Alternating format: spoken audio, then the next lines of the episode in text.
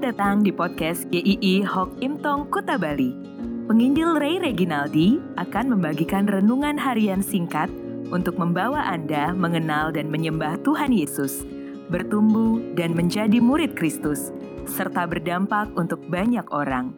Jika Anda merasa diberkati melalui renungan ini, silahkan bagikan podcast ini agar orang lain juga diberkati. Inilah renungan hari ini.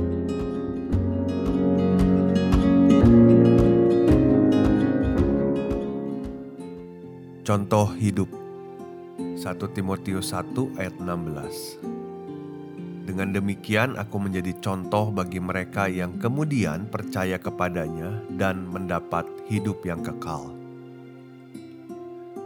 Banyak orang takjub ketika mendengar mujizat-mujizat yang terjadi di dalam hidup orang-orang tertentu. Ada orang-orang yang sakit parah kemudian disembuhkan. Ada orang yang bisnisnya bangkrut, hutang menumpuk tetapi dipulihkan Tuhan bahkan sampai sukses.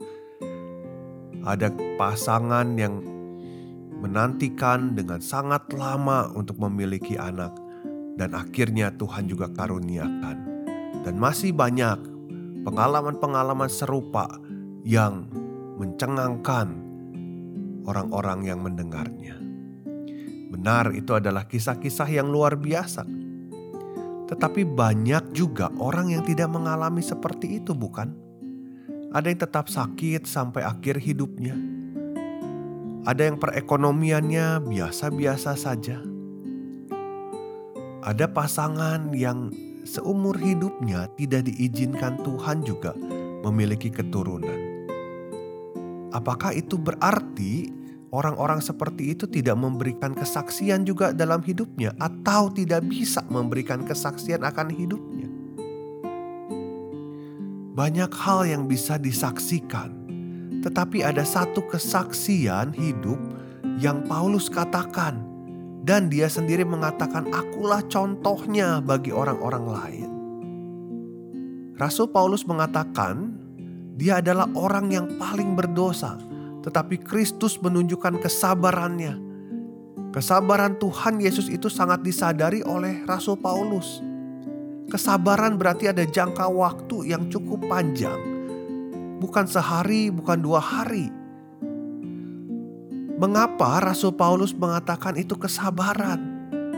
Karena dia hidup sebagai penentang Kristus di masa lalunya sudah begitu banyak korban orang-orang Kristen jatuh di tangannya. Mungkin juga ada sumpah serapah yang tidak terhitung jumlahnya hujatan yang dilontarkan kepada Tuhan Yesus. Tetapi Tuhan Yesus sabar, sabar, dan mengubahkan Paulus. Ayat 16 Paulus mengatakan, Dengan demikian aku menjadi contoh bagi mereka yang kemudian percaya kepadanya dan mendapat hidup yang kekal. Rasul Paulus mengatakan dirinya adalah contoh bagi orang lain. Dirinya adalah kesaksian untuk orang lain.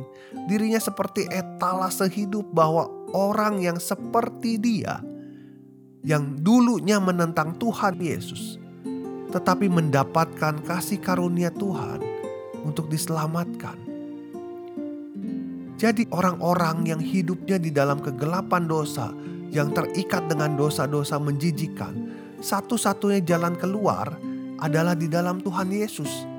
Dan ketika sudah merasakan itu, itu mujizat yang luar biasa. Bahkan orang-orang yang merasakan dirinya tahu bahwa orang berdosa tetapi diselamatkan Tuhan Yesus. Itu adalah kesaksian yang luar biasa. Seorang rekan pelayanan satu hari mengirimkan WA chat kepada saya. Dia mengatakan saya terbeban dengan seorang kenalan saya yang meninggalkan Tuhan Yesus. Karena berbagai alasan ada kekecewaan. Tetapi dia tidak terlalu dekat dengan kenalannya ini dan sudah lama tidak kontak. Lalu saya berkata, "Ya, doakan saja." Kemudian dia balas lagi, Tapi kan kita perlu tindakan juga. Akhirnya obrolan itu selesai dan beberapa waktu kemudian dia chat saya kembali dengan mengatakan, saya sudah ada keberanian untuk kontak orang tersebut. Saya mau menyaksikan tentang Kristus. Ada satu berita utama yang perlu disaksikan kepada orang-orang tentang Kristus. Ini berita yang baik dan urgent harus disampaikan. Kasih karunia Kristus perlu sekali diceritakan. Kasih karunia itu tersedia bagi orang-orang berdosa. Anda mungkin mengenal ada orang-orang yang terikat dengan dosa yang sudah belasan tahun lamanya. Sebentar dia berhenti, kemudian kumat lagi. Ada orang-orang yang frustasi tidak bisa berhenti dari dosa tertentu.